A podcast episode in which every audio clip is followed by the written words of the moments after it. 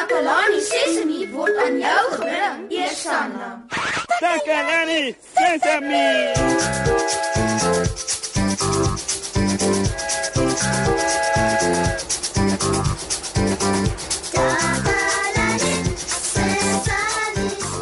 Hallo liewe maats.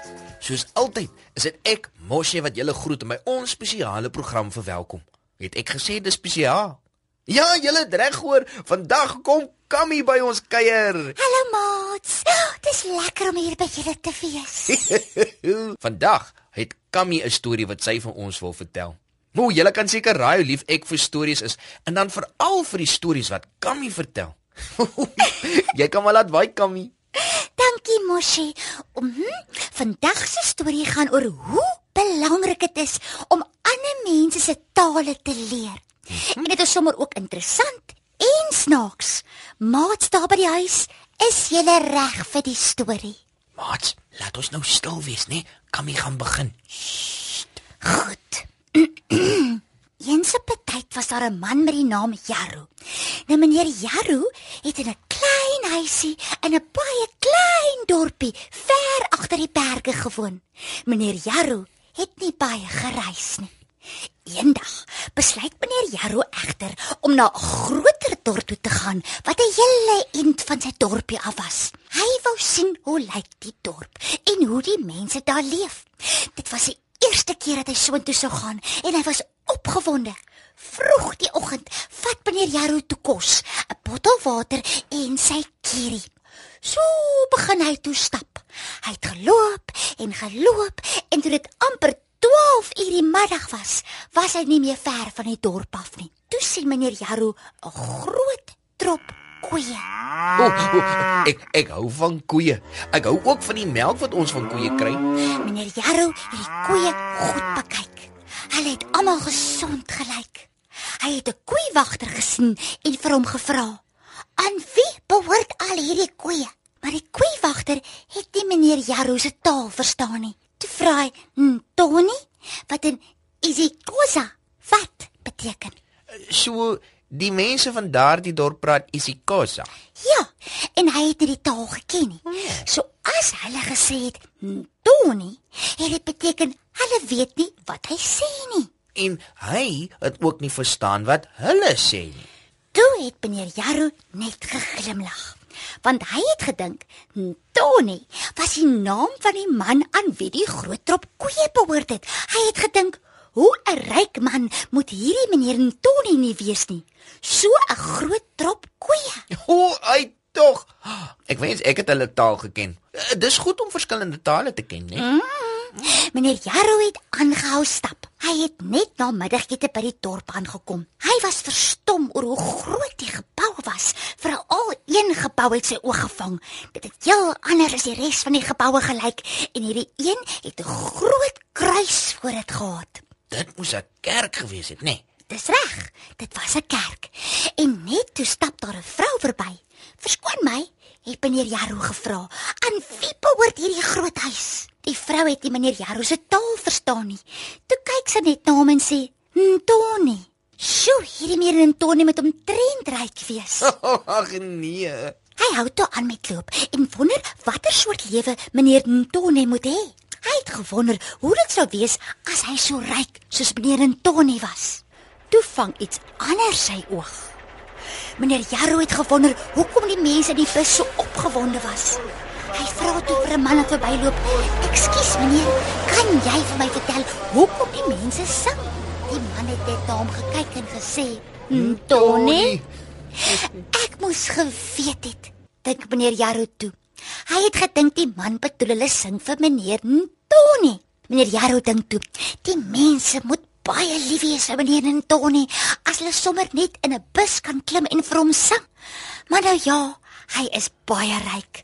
Dalk is hy die koning van hierdie plek. Ooh, ek wonder wat gaan volgende met hom gebeur. Meneer Jarro het aangehou stap tot hy gekom het by 'n meubelwinkel. Daar was 'n groot vragmotor voor die winkel en die mans was besig om meubels daarin te laai.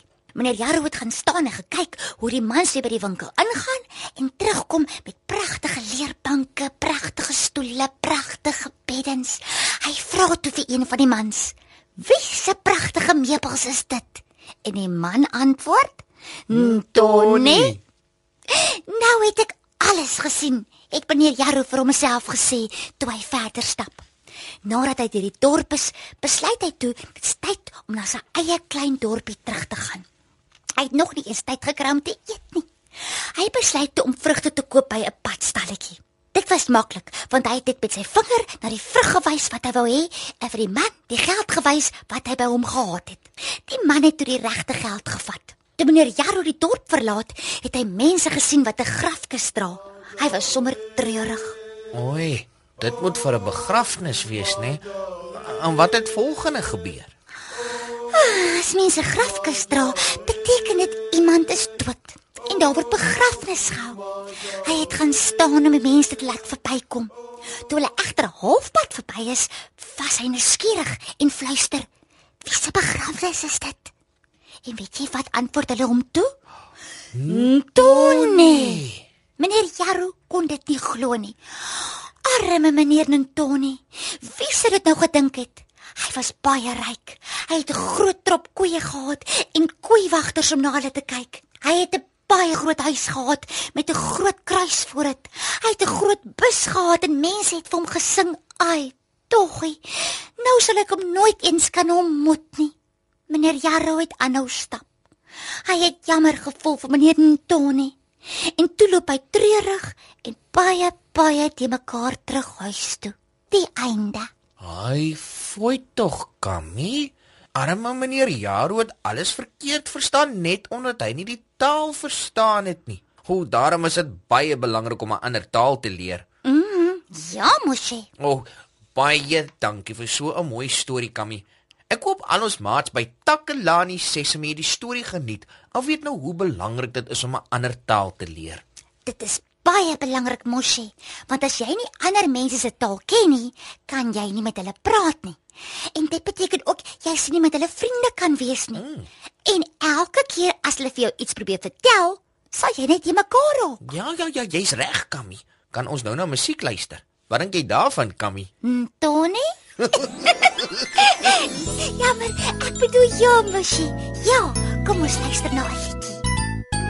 Jy spesiaal, daar's net een soos jy. Niemand anders kan jy wees nie. Daar is niemand anders in die wêreld nie wat kan doen wat jy doen nie, want jy is spesiaal, spesiaal. Elke een is spesiaal, elke een op sy of haar manier, want jy is spesiaal, spesiaal. Elke een is spesiaal, elke een op sy of haar manier elke een op sy of haar manier. O, ek hoop julle die liedjie geniet, maats. En ek moet net weer vir Kammy dankie sê dat sy vir ons hierdie storie vertel het van meneer Jaru wat 'n vreemde plek besoek en agtergekom het dat hy nie die mense se taal verstaan nie. Hy was nie al een met 'n probleem nie, want die mense van die dorp het ook nie sy taal verstaan nie. Ja, mosie. Niemand kon hom ook verstaan nie. So dit was 'n groot probleem. Nou daar het julle dit, maats. Ek het vandag 'n nuwe woord geleer. Ntoni is 'n isiXhosa woord en dit beteken wat? Dis pret om 'n ander taal te leer. Jy kan begin met iets so eenvoudig soos hoe om te groet. So van my mosie is dit dan totsiens, goodbye en salanigagle.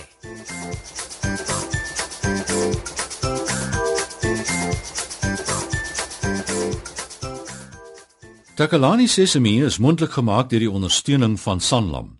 Takalani Sesemi is in pas met die kurrikulum van die departement van basiese opvoeding wat 'n stewige grondslag lê in vroeë kinderopvoeding. Takalani Sesemi word met trots aangebied deur SABC Opvoeding in samewerking met Sesemi Workshop. Vir kommentaar oor hierdie program, stuur asseblief 'n e-pos na takalani.sesemi@sabc.co.za. Thank.